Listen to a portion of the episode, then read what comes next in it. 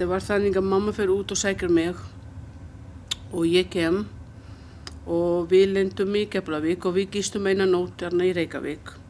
Svo tókum við innanflugs til Bildudal og þetta var mína fyrsta skipt ég hef satt í flúveldi, það var frá Portugal til, til Íslands. Og, erna, og þegar ég tek þessa innanflugs þá lendum við á, Bildudal og, erna, og ég spýr mammu, ætlum við að vera hér? Og mamma segir, nei, nei, þú átt eftir að gæra í gegnum bærin sem heitir Bildudal og við gerum í gegnum bæri Bíldudal og ég spurði mamma, ætlum við að búa hér? Og þá var ég þannig, ég var fann að gráta því mér fannst eitthvað svo, allt svo lítil og ég var ekki alveg að trúa að mamma fór að sækja mig til að vera svona lítinn bær, bara, veist, bara með nokkra húsir og ég var orðið en að bara freka stressu. Og mamma segi bara, nei, nei, við höfum eftir að fara yfir eina fjall og þá er tákunaförður. Og ég manna þegar ég við geirum inn í tákunaförður og ég spyr mamma, ætlum við að búa hér? Og mamma segi já. Og ég fór bara að gráta. Ég var svo reyð út í mömmu minni að hún hefði sótt mig og ég ætla að búa á Táknafjörðu svona lítinn bær með nokkur húsir og ég fór strax að bíða mamma, ég vil fara tilbaka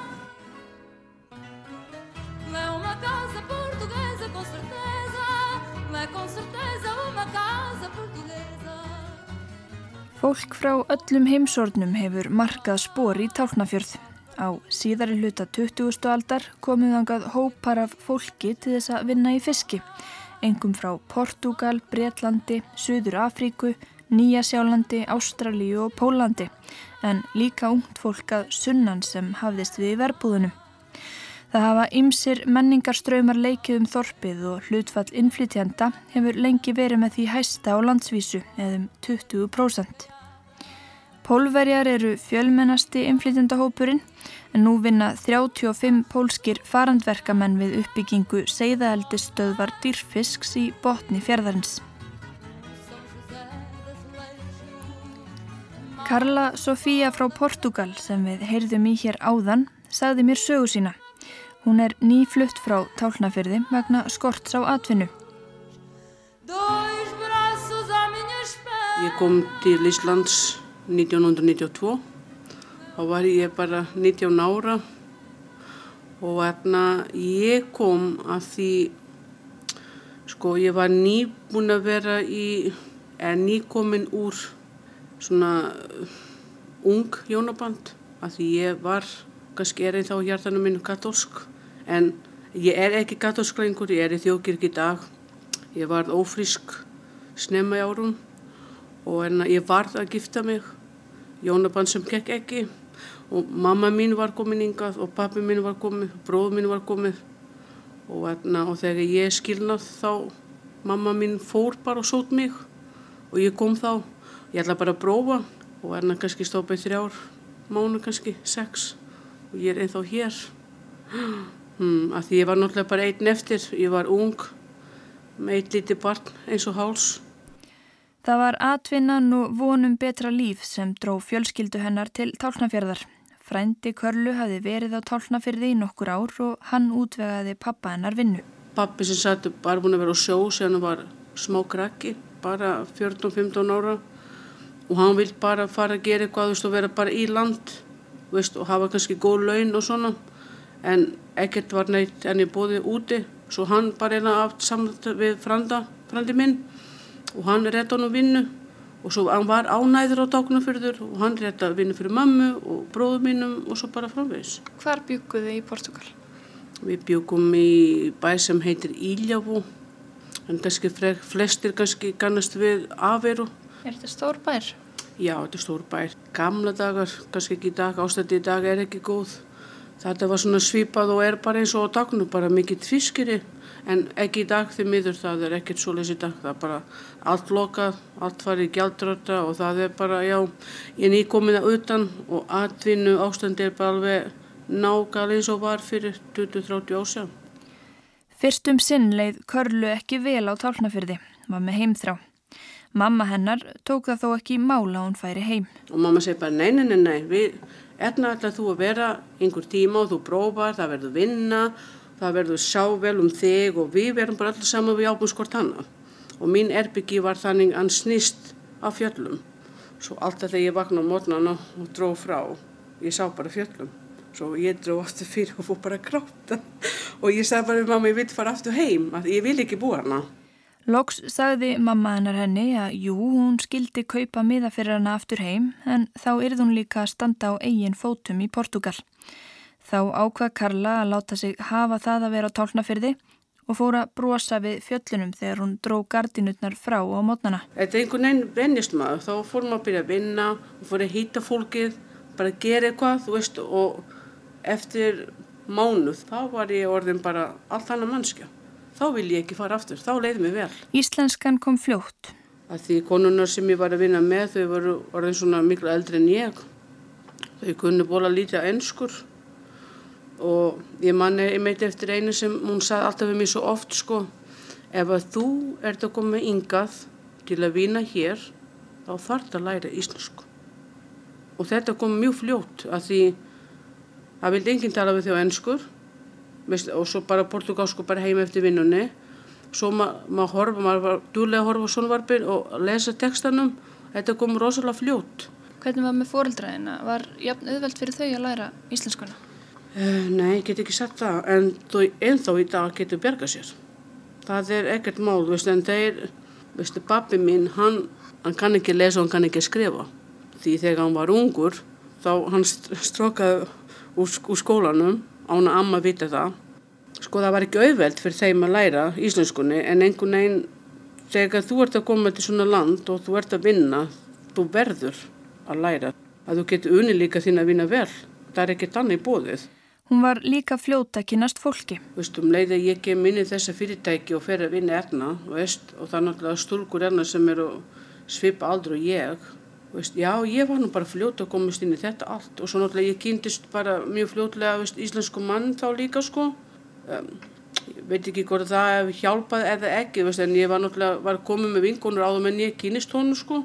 Mamma mín og pappi átt ekki vandræði með það eldur mamma og pappi voru bara mjög fljótur að eiga, eiga sér svo vinnir í kringu sig. Sko, táknarfjörðu er eiginlega bara eina fjóskild.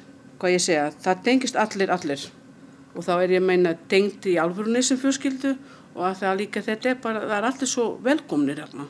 Það er svo fljóta, veist, að þú gaupar hús og þá kemur bara einhver og bankar, veist, kom daginn, ég heiti þetta og já, heima verður bara rétti á þér og velkomin og krakkan eru fljótir að tenglast við hvort annað, veist, þetta er bara svona bara eitt verið og þrýr. Og voru fáir útlendingar og talnaverið þegar þið voruð? Þegar ég kem, já það var ekki svona margir bólverið til dæmis, það var einhverju frá Nýja Sjáland, það var frá Ástralíu, það var við frá Portugal, um, England, það var einhver frá bólverið, einhver frá bólandi menn ég, en það var ekki droslega margir sko, þetta bara aukast svo bara með árunum.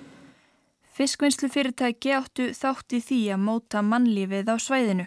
Það var sjálfnast unnið markvist að því að fá erlend fólki í vinnu að sögn Guðjóns, framkvæmdastjóra Þórsbergs. Þetta bara gerðist.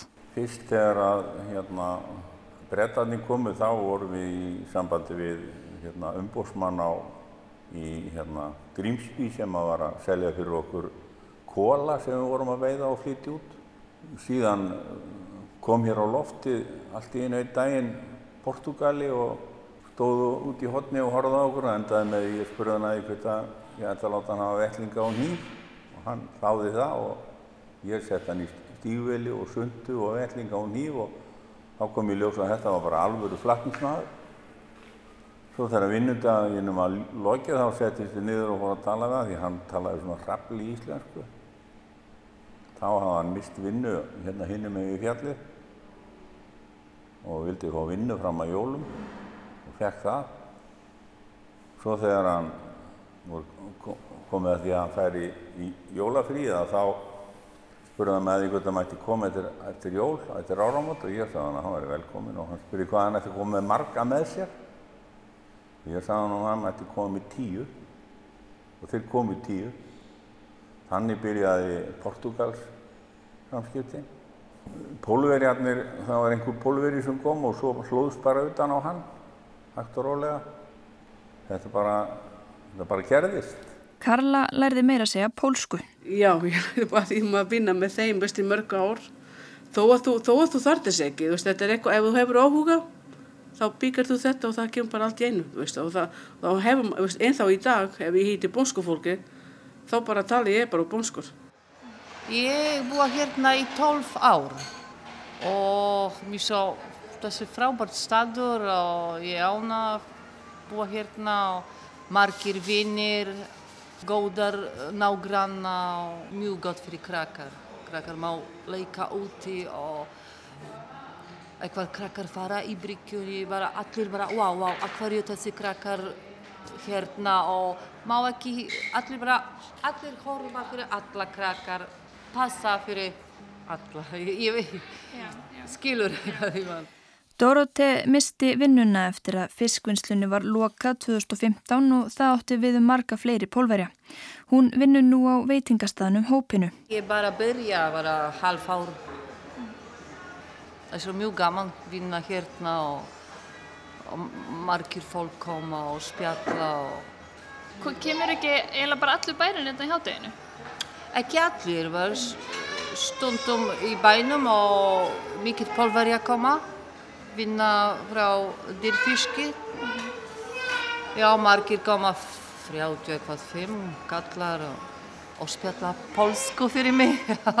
Hún segir samfélagið á tálnafyrði opnara en í Elg, heimabæ sínum í Pólandi og börnin örugari. Hérna svo fólk uh, tala við alla og Pólandi, allir bara búin vinna og sitja heima og bara sitt mál eða fjölskylda saman. Hérna þú má fara út og spyrja hjálp, ekkert mál, fólk hjálpa. Og hvað gerur þau svona þegar þú ert ekki að vinna? Það er ekki vinna. Ég er bara krakkar heima og mikið gera heima og, og fara eitthvað til gangutur eða upp í fjall og týna ber og alls koma bara. Við erum uh, klubb, motorhjálklub, maður mín og ég og eitthvað vinnur margir vinnar fara í eitthvað ferð, skoða alltaf land. Og eru vinnir þínir hérna, er það Íslandingar eða er það Pólverja? Já, Pólverja, margir Pólverja fara í annan stað, leita vinnu. Er það nýlega búið að gerast? Já, þegar fiskvinnsla stoppa, allir vinnir mér fara bara að leita fyrir annan stað vinnu. Karla tekur undir það með Dóruti að það sé gott að ala upp börn á tálnafyrði. Maður saknar einan að geta hinda börnin nú, það far nú bara að leika og hafa enga áhyggjur. Ég gerði aldrei í Reykjavík en um leiði ég kem til Dagnafjörðu, nú getur þú farið út og ef að, veist, ég mamma finnur þig ef að þú kemur ekki heim fyrir þrjú, veist, engin áhyggjur.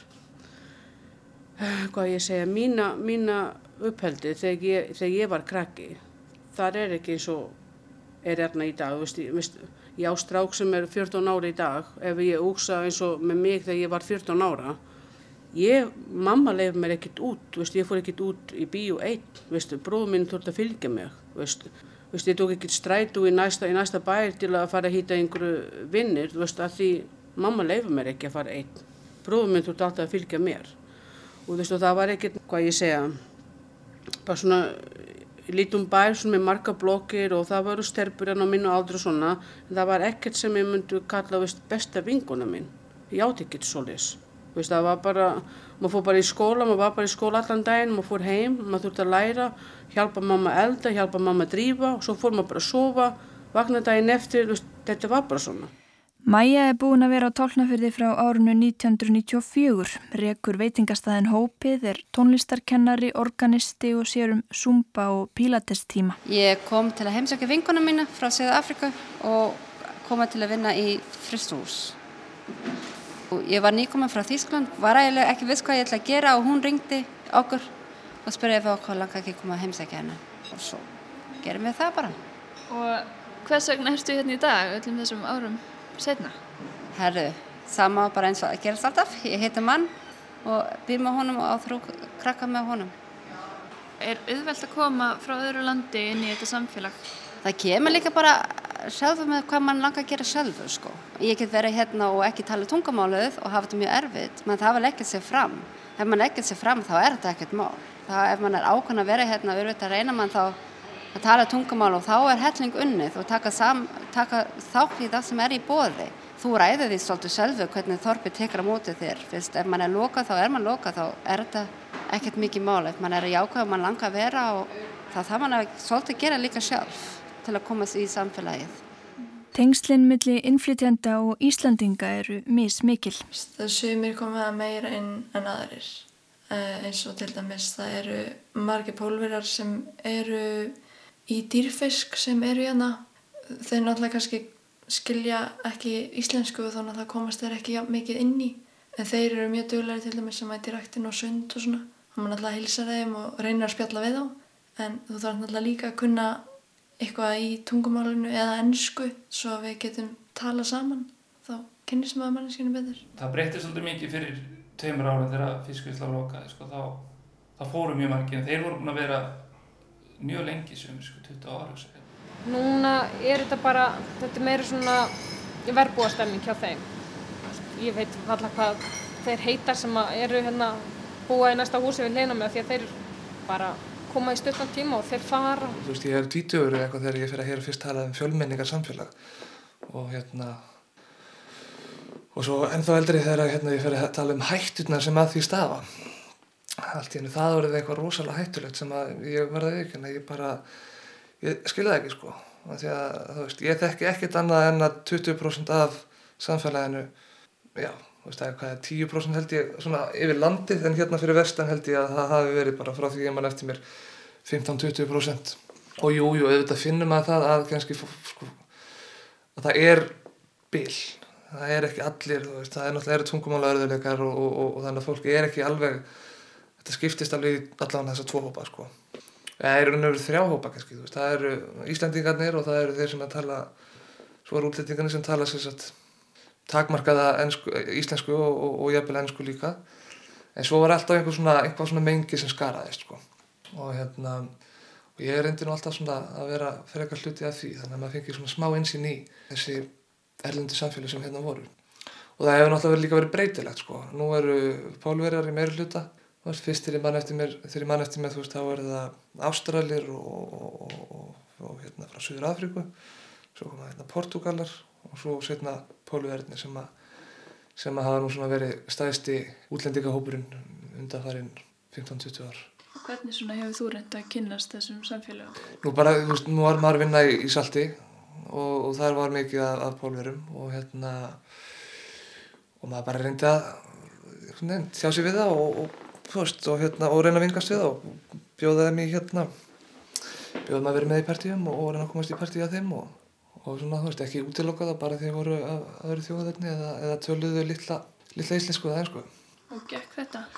Já, misvel sko, en þú veist, það var, ég menna, tveira mínu bestu vinum hérna á, á tímabili voru, voru pólverjar og ég var mikið með, vann með bæði í fristihúsinu og svo setna át á sjó, þannig að, hérna, þeir voru bara, já, með í vinahofnum sko og hérna, í gegnum þá kynntist ég pólskri matar og drikkjumenningu. Já, ég held að hverju, hverju mann er gott að, að kynast pólskri drikkjumenningu sko.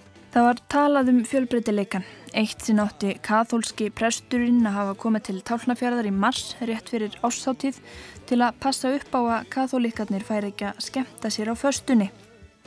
Og ég heyrði af því þegar fjöldin allur af krökkum fór niður á bryggju og veitti heilu haldapókan af marknúti þegar höfðu heyrst í fleikt að pólverjar kiftu pókan á 50 krónur. En það stóðst ekki.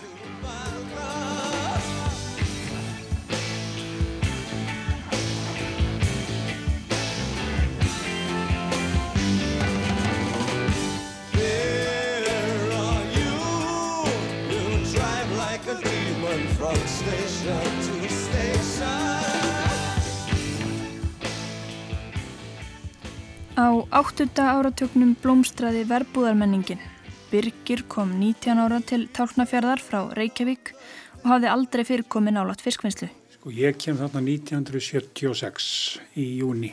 Hvað svona, hvers vegna fórstu? Varst þú einn af þessum svona vandræða unglingum sem var sendur eða fórstu bara að ræfinn til að þráinn eða? Sko ég var í vinnu í Reykjavík og sýsti mér var svona hálfpartin send þarna með, hún samþýtti að fara með því skilir að ég kæmi viku setna. Þá var ég komin í sömafrið þar sem ég var að vinna í Reykjavík. Þannig ég kom og, og ég kom ald fór aldrei aftur söður úr sömafriðinu þannig að ég ílengtist þarna. Þetta heitlaði mann alveg algjörlega. Það var mikið líf, nóg að vinna og nóg að gera og, og allt það. Og hvaða minningar áttu, hvernig, hvernig líf var verbúðalífið? Það var bara rosalega gaman og, og svona þroskandi fyrir einstaklingin og koma svona úr Reykjavík og, og vera svona frjáls á verbúð og sjá um sjálfa sig og, og annað og marg, margir fundu sinn maka þarna á verbúð meðan hans ég.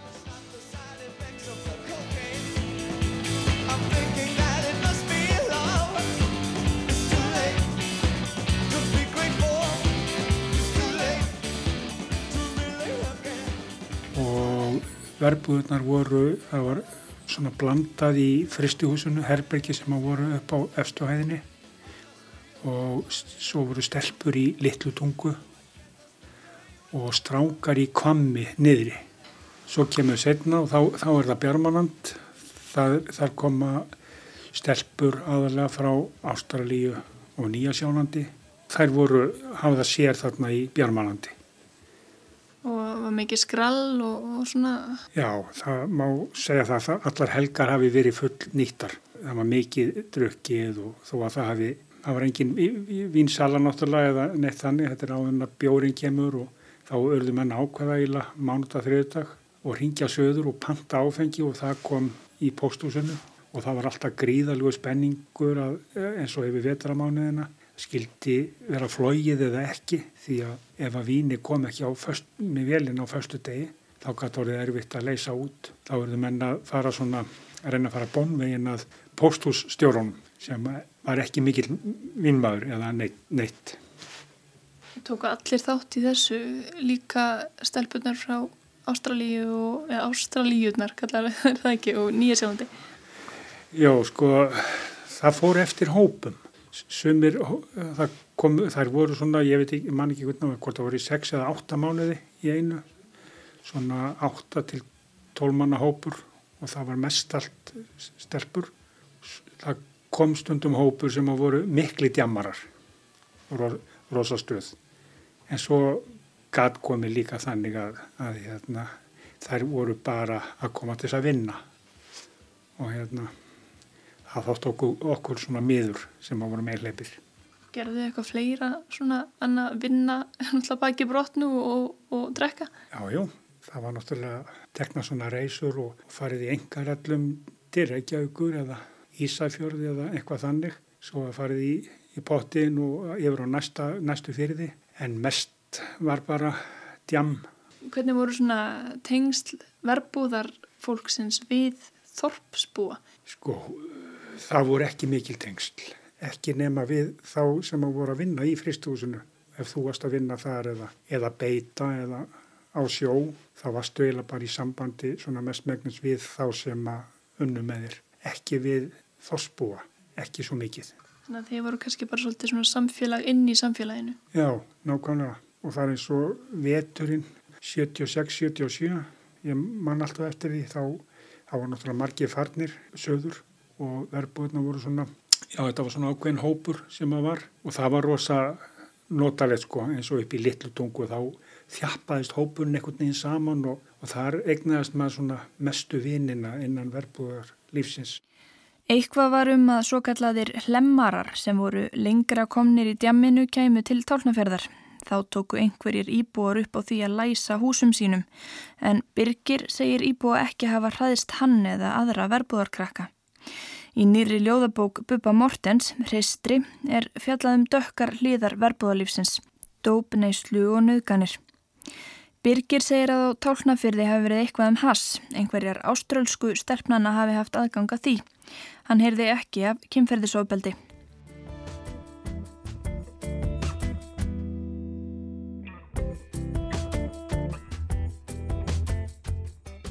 Ég hitti tvær ungar konur frá bandaríkunum sem fyrir tilviljun komist að því að tálnafjörður væri þeirra staður. Heðer kom hingað árið 2007, kynntist manninum sínum og heitlaðist af umhverfinu. Hún skrifaði erotíska skáldsögu þar sem tálnafjörður kemur mikið við sögu. Vinkona hennar, Kristín, las bókina og heyrði sögur frá tálnafjörði árum saman. Heðer kynntanalóks fyrir tálkfyrðingi sem í dag er maðurinn hennar og svo fóra Kristín fluttið ánga líka frá smába í Mississippi. it just makes you feel like home and it's this little piece of the wild that we've managed to tame and it's it's like living in National Geographic sometimes because you just can't believe it. And a lot of people who are from here are kind of used to it, but I wake up every day and it's like magic. I feel like I'm in some kind of story sometimes because I just can't believe that I live here in Iceland and I live in Iceland. Like that's ridiculous to me sometimes. It's amazing. I I know I keep saying that. Kristinn segir samfélagið á tálnafyrði ekki svo ólíkt því sem hún ólst upp í en opnara og umbrúðalindara. Á tálnafyrði hafi hún lært að vera hún sjálf. Fólk þar velti sér ekki upp úr því hverjum klæðist eða því umliku. Hún saknar fjölskyldunar og hefði ekkit á móti því að komast í volmart en það er fátt annað í bandaríkunum sem tógar. Oh, I would get for a Walmart. but that's, that's pretty much it. I, I don't really miss anything else. Of course, my family. I miss my family, but I wish they could see it here so they would understand. Henni finnst íslenskan erfið en segist mæta miklum skilningi. Þegar fólk átta sig á því að þú elskar þennan stað og ætlar þér ekki að vera túristi, þá verður þú hluti af samfélaginu, segir hún. and they realize you're not just here to be a tourist or just hanging out, that this is your home, and they kind of bring you in and accept that and say, okay, yeah, you're different, but you're one of us now. So. Heather sem er aðeins eldri og hefur búið á tálnafyrði í nokkur ár segist hafa raunsæri mynd af tálnafyrði í dag en fyrst eftir að hún kom þángað. Seðmagnið og töfratnir séu þó enn til staðar og það myndi aldrei kvartla aðinni að fara. Hún kann að meta róliheitin, einfaldleikan og öryggið. It's changed some, yeah. Um, I think when I first came here it was all um, magic and rainbows and now it's more realistic but it still has a touch of magic. It still has a huge pull on me and I, I would never leave. Hún segir erfitt að komast inn í samfélagið þar sem vinahópar samanstand ofta fólki sem hefur þekst alla æfi og það sem mikið um slúður. Hún hefur afþakkað bóði í saumaklúpa, íslenskan er ákveðin fyrirstaða Það eru margir að tala og tala hratt og þá er ég alltaf nokkrum setningum á eftir, segir hún. These people have known each other for long, you know, many years of their lives so they have this, you know, between them. And yeah, they have that and it is a little intimidating to get into that. So as a foreigner, I have found that basically if there's another foreigner that shows up, we're all about welcoming them in, you know, we're here for you, you know, we, we know what it's like, we've been in your position, you know, we know it's, you know, difficult to move here, let's band together and form, you know, our own sense of community, you know, since it's harder to find. There's definitely nice people, but they're not always easily approachable. Hún, Kristinn og fleiri inflytendur halda hópin en það er lítill hópur. Hún segist til dæmis verið litlum tengslum við polska íbúa, hitti þá helst í partíu. Often, you know, drunk anyways, you know. Dorothea og Karla töluðu um að það væri jákvægt að allir fyldust með börnum allra. Heðar vil síður að þorpið aðli upp hennar börn, vil að þau fái frelsi til að vera þau sjálf og upplifa án afskipta. Maðurinn hennar sem ólst upp á tálnafyrði hafi aldrei geta gert nýtt af sér og oft hafi fólk verið búið að láta foreldrans vita af skammastrikunum áður en að var komin heim. Þessi nóga fólk grípi inni til að forða börnunum frá hættum. It's already difficult enough with everyone gossiping as it is, but I, for my own children's sake, I want them to have a little sense of freedom to do to be themselves without having every person on, you know, peeking out their house and calling me to tattletale on them if they're doing something silly. You know, I want them, I want them maybe that sounds weird, but like I want them to live a little and experience a little without being so um, parented by the entire community. Hún vil halda ákveðinni fjarlæð Það þurfi ekki allir að vita hvað gengur á í hennarlífi og öfugt. Líklega sé samfélagi líka færast meiri þá átt. More, you know, so okay Helsti gallin við tálnafjörða hennamati er læknistjónustan. Hún segist hafa þurft að berjast með kjaftu og klóm fyrir því að fá almennilega þjónustu. Það sé enginn samfella, alltaf nýjir læknar, sumir óáreðanlegir og takk ekki marka á henni. Hún gaggrínir að sumir neyta að tala við hann á ennsku, tali bara við eiginmannin og ætlist til þess að hann þýði læknisfræðileg hugtök. They won't even speak to me in English. They'll look past me and they'll talk to my husband if he's there and expect him to explain it all. And my husband doesn't know all the words to, you know, to translate either. It's not his job. Þegar innflytjandum tók að fjölga á Íslandi á tíunda áratug síðustu aldar fóru hugtök á borði samlugun, aðlugun og fjölmenningu að skjóta upp kollinum í umræðinni. Árið 2000 var félagið Rætur stopnað á vestfjörðum og haustið 2002 hjælt félagið Þjóðháttíð vestfjörðinga á tálnafyrði. Innflýtjandum á vestfjörðum hefði þó farið hratt fjölgandi og félagið vildi bjóða þá velkomna. Læknirinn á Patræksfyrði, Jón B.G. Jónsson, tjáði sig ofinskáttum reynslu sína af því að þjónusta innflýtjandur á sunnanverðum vestfjörðum í læknablaðinu árið 2005. Þar segir hann að pólverjar hafi lítinn áhuga á að setja sig inn í Íslandst samfélag, haldi hópin, fæstir hafi í hyggju að dvelja lengi á Íslandi. Þeir sendi peninga heim, standi oft í húskaupum í heimalandinu og sæki lítið í skemtanarlífið.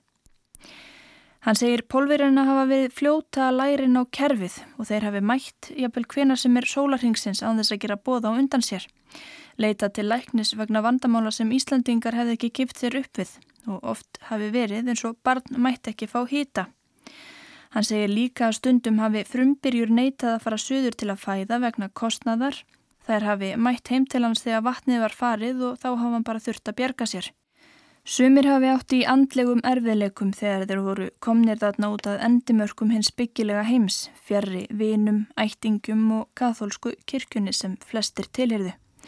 Þá hafi sumar kvennanna þurft að skilja börnin sín eftir hjá ömmu og afa í Pólandi og liðið af því.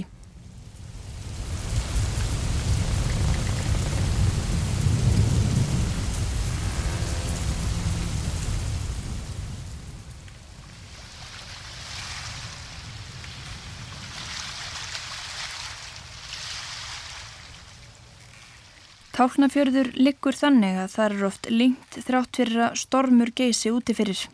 Á öldum áður sildu erlend skip oft þanga til þess að komast í var en líka til þess að stunda viðskipti. Talið er að englendingar hafi komið til Íslands um 1400. Hollendingar, þjóðverjar og frakkar svo fyllt á eftir stundað hér þorskveiðar alveg fram á 20. öld. Sögur segja að englendingar hafi kallað fjörðin Lásíbei því þeir fóruðangað í heita laug og losuðu sig við lísnar. Kvalveiðar voru stundadar við Ísland frá upphafi 17. aldar og þar voru hollendingar stórtækir, reistu kvalveiðistöðvar á ströndum. Lísi sem þar var unnið lísti upp götur stórborga í Evrópu. Við fordlefa uppgröft á ströndum hefur fundist mikið af hollenskum krítarpípum og talið að strandamenn hafi í gegnum hollendinga komist í bísna náinn kynni við tópak. Til eru ýmsar sögur um veru hollendinga á tálnafyrði en þar hefur verið lítið um fordlefa uppgröft.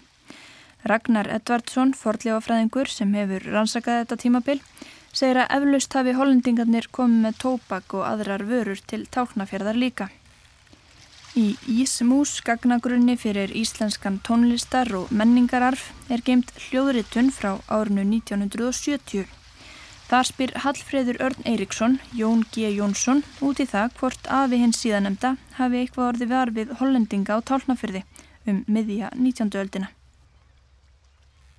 Hann var alveg upp í tálnafyrði að miklu leiti og þanga komu þeir alveg hópum saman og hann sagðist mjög eftir því að það hefði verið 50 stíð beinu sinni í fjörunni fyrir innan Svönsirrótan þá voru þeir að, að bankaðu sem er kalluð það að segja skrepaði þarann og, og veldu eins og bæri á hinnanliðina og svo lágur inn í heilar vikustundum þá þókuðu sér til að þóðu föð sín það er nú heil lög þarna Svensir í tálnafili og það er þóðir föð sín og, og dönduðu við það.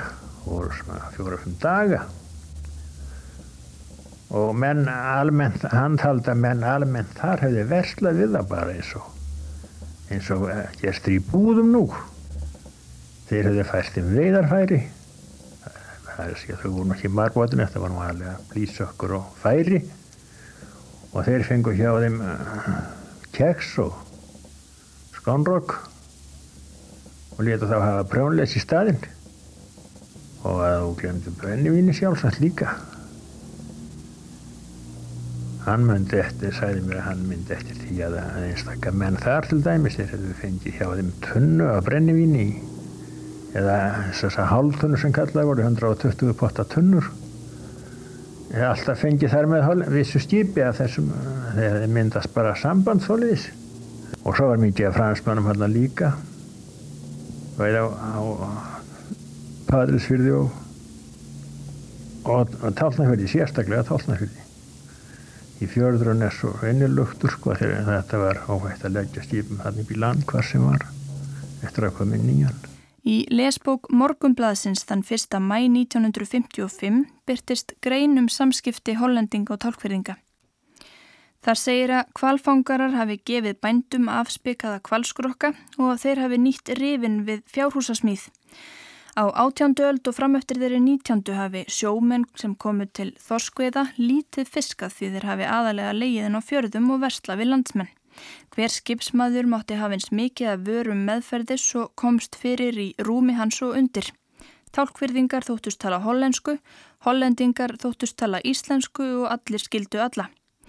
Í lesbókinni er líka sagt frá því að síslumadur hafi eitt sinn bjargað lífi tálkfisks morðingja sem dæmdur hafi verið til dauða, komið honum á hollenska duggu.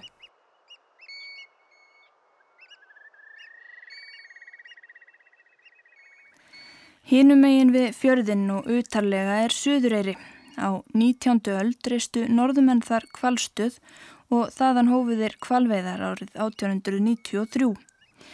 Á Suðureyri má ennsjá tilkomi mikil mannvirki hlaðin úr rauðum múrsteinum. Skorsteinn Katlahúsins er heill og gnæfir yfir rústir annara húsa og í fjöruborðinu leggja riðgaðir gufukallar. Inn í þaglausu húsi stendur gömul pressa sem enn hefur ekki sungið sitt síðasta. Snúum sveifinni.